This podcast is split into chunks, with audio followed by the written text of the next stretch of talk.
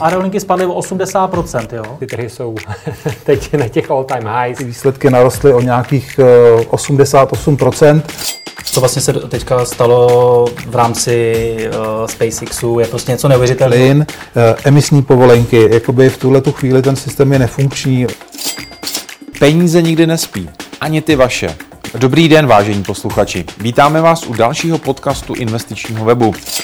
V něm nabídneme to nejlepší z našich videí a také původní komentáře a analýzy domácích i zahraničních tržních expertů. Ekonomika, tradiční trhy a alternativy na jednom místě. Dobrý poslech přeje Petr Novotný. Na světě to někdy vypadá, že zisk má přednost před životním prostředím, že ziskovost a sociální pokrok nejsou slučitelné. Ale co kdyby svět mohl být jiný? Svět, v němž investice mohou motivovat firmy k pozitivním změnám. Právě proto nabízí Amundi investice, které vám umožňují budovat lepší svět. A co vy? V jakém světě chcete investovat své peníze a svou budoucnost? Amundi. Důvěru je třeba si získat. Na trh start pražské burzy míří jedna z největších sítí restaurací v Česku. Skupina Colosseum. Proč tam jde a co čekat od jejich akcí? O tom si budu povídat s Janem Užátkem, hlavním akcionářem a majitelem skupiny. Dobrý den. Dobrý den. A Jirkou Staníkem, analytikem Helgi Library. Ahoj. Ahoj. Možná, Honzo, na začátek menší představení skupiny. Možná já si vás představím jako restaurace, ale vy jste velká skupina, děláte hodně zajímavých věcí. My jsme, děkuji děkuji za, za úvod, tak společnost Colosseum Holding má takový základní čtyři pilíře. A první pilíř je, jsou restaurace, druhý pilíř je catering, občanská plovárna, arény a tak dále. Třetí je velkou obchod a čtvrtý je nově kafe Paskuči. Takže samozřejmě ten záběr je široký, ale ten záběr je i tím, že vlastně, když provozujete svých restaurací, tak abyste v rámci celé České republiky byl schopen vyzásobit ty restaurace, tak vlastně potřebujete distribuční centrum. A vlastně tak vzniklo de facto i Prago Gastro, který dneska samozřejmě má, řeknu, desítky dodavatelů v rámci celého, celé Evropy, především však z Itálie, odkud dneska dovážíme pravidelně každý týden čerstvé produkty přímo od výrobců, takže vynecháváme všechny velkou obchody a, a vlastně ta marže zůstává v kolose. Jirko, kdybys doplnil trošku ten analytický pohled, eh, v jakém sektoru se pohybujeme, protože víme, že za sebou má covid. Strašně těžké období, ale to, na to by byla asi hodina tady uh, to rozebírat, ale my jsme za covidem a, a tato společnost jde na burzu. Co bys doplnil? o Kolosu. Já možná doplním Honzu ohledně toho business modelu. Ten je, to si myslím, že je velmi zajímavé, že to je vlastně, ten, ten business model je pěkně diverzifikovaný, že vlastně stojí na těch čtyřech nohách a celé to vlastně zastřešuje to Prago Gastro, které vlastně servisuje uh, ty svoje čtyři nohy nebo ty svoje různé biznesy, ale vlastně uh, může uh, servisovat nejenom vlastně tu vnitřní skupinu, ale má potenciál vlastně, aby, aby servisovalo i externí restaurace. Jo? To znamená, ten potenciál je, je, je daleko větší, než, než se třeba na první pohled, nebo když se podíváme jenom na tu, na tu vnitřní skupinu, může, může Takže taková větší synergie ještě. Prostě synergie tam je, tam je ohromný, je tam franchiseový kon, koncept, to znamená, že uh, ta restaurace nebo ta síť restaurací může růst daleko rychleji, s daleko menšími investicemi, jak vlastně restaurace, tak i ty kavárny. Ty kavárny jsou hodně, hodně zajímavé, protože na západě samozřejmě ten kavárenský biznis roste rychleji než ty klasické restaurace. A, a vlastně je to příležitost vlastně se otřepat z toho, z toho propadu, který jsme tady viděli za poslední dva roky. Možná jednoduchá otázka, Honzo, jak jde biznis? Tak biznis je dobře. A myslím si, že v podstatě ty lidi byli samozřejmě za ty dva roky hladoví. Co se týče budoucnosti, bude řada novinářů se nás ptá, jak vidíme krizi spojenou, nebo řeknu, řeknu inflaci. Za nás samozřejmě tak ty restaurace vždycky fungovaly, vždycky budou fungovat, lidi se musí najíst. Myslím si, že ten spotřebitel bude trošku omezovat spíš jiný, jiný nákup než nákup v restauracích. Jo. Myslím si, že plný restaurace to jsou případem. Samozřejmě i nás se to dotýká, ale my s tím umíme pracovat a, a právě díky tomu Pragu Gastru trošičku jsme schopni ty, vybalancovat ty cenové rozdíly. Jo. A umíte to přenést vlastně tu inflaci na konečného klienta, protože to je důležité taky svým způsobem. Tak ty, ty varianty jsou dvě, že jo? buď musíte hledat úspory, nebo zvyšovat cenu. A myslím si, že my je, snažíme se vždycky dělat jako půl na půl. Jo?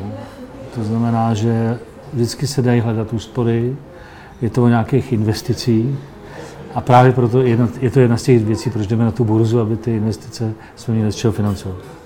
Já bych Jirku nechal doplnit, vlastně jak vidíš ten business model a víc možná do těch čísel už této skupiny. Tak já jenom doplním, vlastně ta situace byla tak špatná, že už snad horší ani být nemohla. Jo? To znamená, když on se říká, že se jim daří dobře, tak je zase je to ve srovnání eh, s, tím, s těmi roky 20 a 21, kdy a nejenom Kolosum, vlastně celý, eh, celý český nebo středoevropský trh dostal takovou ránu, ze které se bude ještě nějakou dobu zpamatovávat. My například na základě čísel tam vidíme, že propad tržeb v roce 20 a 21 oproti 19 byl zhruba nějakých 50-60% Na rozdíl třeba od západoevropského gastronomického sektoru nebo amerického, kterému si dařilo uh, relativně lépe. To znamená, ten dopad toho covidu tady byl daleko horší než, než někdo. Byl jako tvrdší lockdowny. Daleko, daleko tvrdší. A s tím samozřejmě narostly ztrátovost eh, toho, toho sektoru, narostla zadluženost, takže vlastně, když se ptáš, proč, eh, proč ty firmy, no, proč gastronomické firmy by měly jít na burzu, potřebují posílit kapitál, aby, aby, aby se mohli dál nadechnout.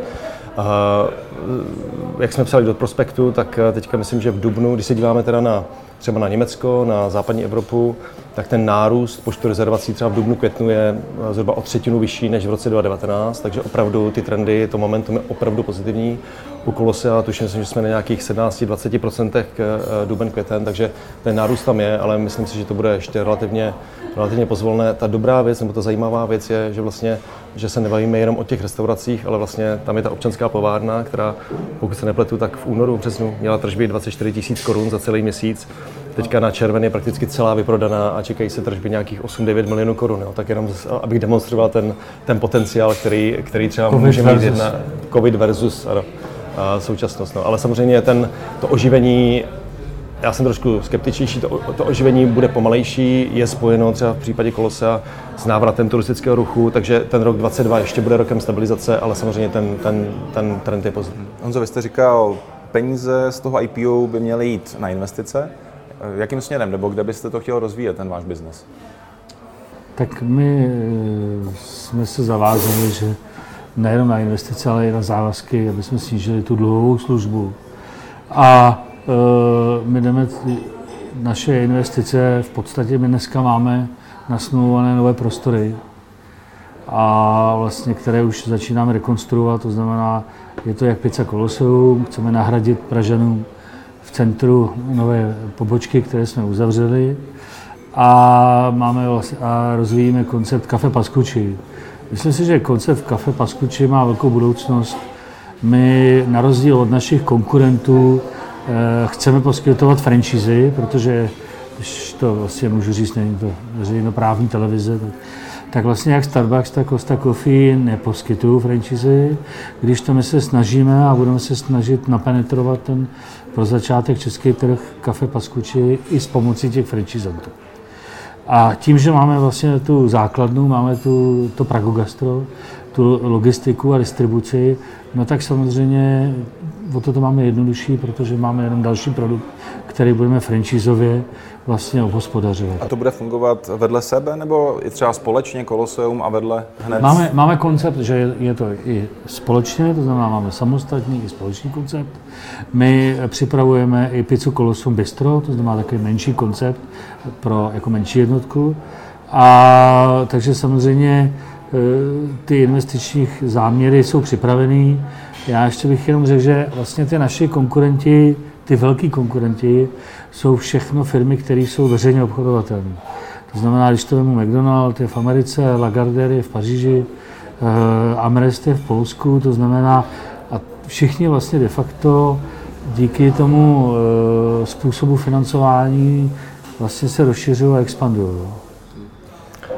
Já jenom přidám, to se stal na použití těch prostředků, tak jenom eh, ten, vlastně ten finanční výhled je založený na, na dvou věcech. Za prvé, že víc než polovina nebo zhruba dvě třetiny těch nových peněz by mělo jít eh, na snížení zadluženosti, eh, která samozřejmě narostla během těch dvou let, a třetina na, na investice.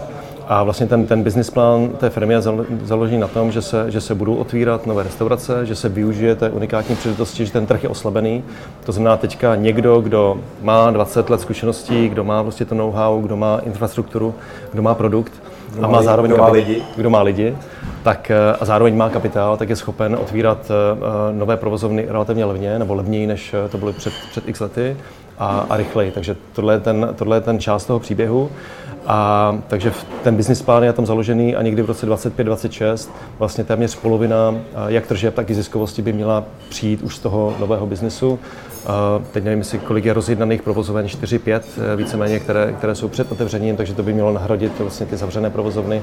Takže je to ambiciozní plán, ale vlastně je to založené na tom, že se využije toho oslabeného trhu k, k těm investicím. Jsou takhle už eh, na západě, v Americe, podobné skupiny restaurací v takovém formátu, eh, jako je Colosseum a dá se už tam vlastně hledat jako analyticky, jak se jim daří, eh, jak jsou zadluženy. A protože tohle vy budete společností brzy veřejnou. Mhm. Je to, ten gastronomický sektor je trošku jiný, není, to úplně, uh, úplně srovnatelné. Takhle, ve střední východní Evropě vlastně těch firm moc není. Máme tady Amrest, máme tady dvě, dvě malé firmy v Polsku, které jsou na burze, takže těch dat moc není. Co ale vidíme z, da- z dat ze západní Evropy, z Ameriky, tak zaprvé ty gastronomické firmy uh, jsou uh, velmi ziskové, jo, a to máme Starbucks, McDonald's, ale i ty menší sítě, sítě restaurací je to, to, to, je to, co je zajímavé. A víceméně ta EBITDA marže je všude výrazně nad 20 a Zároveň jsou relativně drahé, protože ten sektor je eh, jako defenzivnější, ale zároveň rostoucí, to znamená EV EBITDA, price earning výrazně nad 20 násobkem. Jo? A zhru- zhruba ten trh se obchoduje na 1,5 násobku eh, eh, trhu. Jo? To znamená, je tam i prémie. To znamená, pokud se vám to podaří, tak ten potenciál zhodnocení je velmi výrazný, a, ale samozřejmě v eh, gastronomický sektor ve střední východní Evropě tady nemáme, takže je těžko s čím srovnávat, ale, ale na západě samozřejmě je to běžnější a je to, je to zajímavý sektor. Teď k tomu trhu start Pražské burzy. Kolik eh, procent akcí vlastně nabídnete? Protože vy jste hlavní akcionář, je tam pár minoritních akcionářů. Kolik bude eh, k dispozici pro drobné investory? Já bych to nechal Jirku, asi, asi jo, ne přes ty čísla lepší, než jsem já. Tak teďka my jsme vlastně v rámci přípravy na, na burzu, tak si trošku změnili uh, vlastnické poměry. Vlastně Honza býval 100% majitel, teď má 88%, uh, uh, firma 82. spojená 80, pardon, 8, 82. By měl vědět, kolik má. Už je šéf. No ne, pojď, 82, prostě většinový vlastně. Ano, ano, All Star Team s, s, s Wooden Company má 19% a víceméně předpokládáme, teď je zhruba 700 tisíc akcí stávajících, předpokládáme vydání až 425 tisíc nových akcí, to znamená, pokud by se upsali všechny, tak eh, Honzův podíl klesne na nějakých 50,1, 50,2. A Zhruba. stále byste měl většinu řídit tu firmu. Důležitý, že tam zůstává zakladatel. Přesně tak. No. Takže je k dispozici vlastně 38% podíl eh, v té nové firmě nebo v té, té zvětšené firmě. Co čekat od akcí? Nebo co byste vlastně vyřekl svým budoucím investorům na valné hromadě, proč se mají o tuto tu akci zajímat, co může nabídnout? Bude to růst, bude to třeba dividenda, anebo třeba nějaké jiné benefity? Já si myslím, že Pizza zdarma každému investorovi. tak samozřejmě pro ty nově máme připravený krásné dárky v podobě nádherných voucherů a speciálních vlastnických karet. Vlastně ta myšlenka, proč jít na burzu a nejenom jenom jakoby motor těch financí, tak je zároveň, že vlastně říkám, že to je takové jako nejvyšší forma té lojality. Je, když jsem spolumajitel toho biznesu. Víc už není. Takže my vlastně nabízíme našim klientům z různých stříd, že si můžou koupit podíl v té svoji oblíbené restauraci.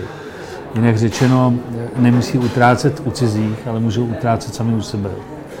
Ta naše šíře je od pizzerií přes pivovar, přes event, to znamená, u nás můžou udělat svatbu, u nás můžou chodit na obědy, nebo můžou chodit s chlapama na pivo a pořád budou utrácet ve svým. Takže to byla ta základní myšlenka, která samozřejmě dneska funguje velmi dobře ve Velké Británii, v Anglii, v Americe, kdy, kdy prostě řada v těch firm provazuje vlastně eh, ten loyalty program s vlastnictví těm akcím. To znamená, utrácejte u sebe.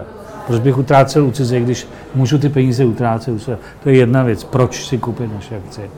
Druhá věc je, že samozřejmě, a my jsme se na to dívali s Jirkou, i ta hodnota těch akcí, těch našich zahraničních partnerů roste. Roste i s tou inflací. Jo. To znamená, že samozřejmě tak, jak rostou ty ceny, tak roste cena, hodnota té akce. To znamená, my, to, my na rozdíl od našich všech konkurentů na té burze máme jednu výhodu, obrovskou, ale i nevýhodu. Ta hodnota té akcie poroste A samozřejmě ty akcie toho našeho biznesu jsou takový, bych řekl, konzistentní.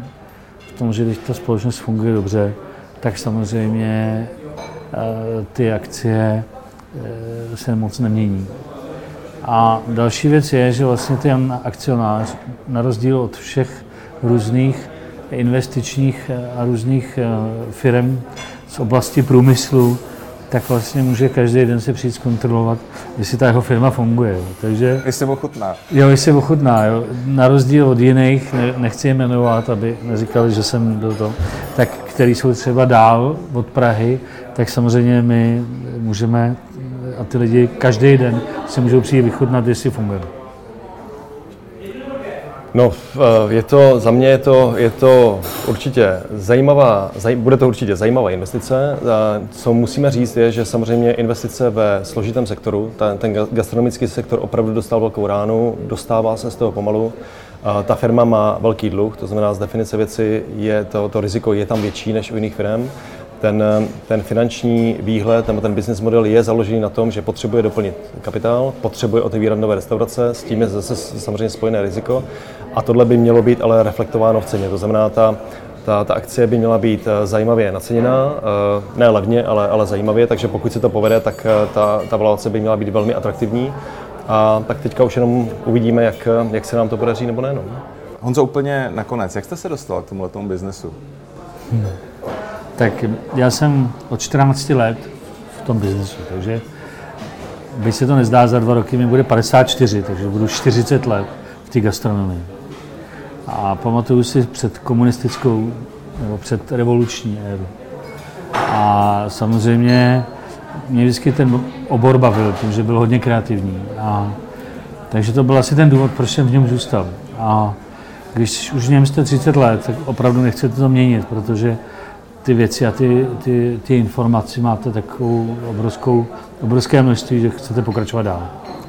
Takže to je asi ten důvod, proč jsem v něm zůstal. No.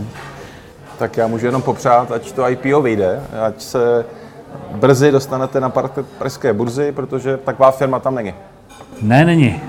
tak na zdraví. Tak na zdraví. Tak, děkujeme. Ahoj. Na světě to někdy vypadá, že zisk má přednost před životním prostředím, že ziskovost a sociální pokrok nejsou slučitelné. Ale co kdyby svět mohl být jiný? Svět, v němž investice mohou motivovat firmy k pozitivním změnám. Právě proto nabízí Amundi investice, které vám umožňují budovat lepší svět. A co vy? V jakém světě chcete investovat své peníze a svou budoucnost? Amundi důvěru je třeba si získat.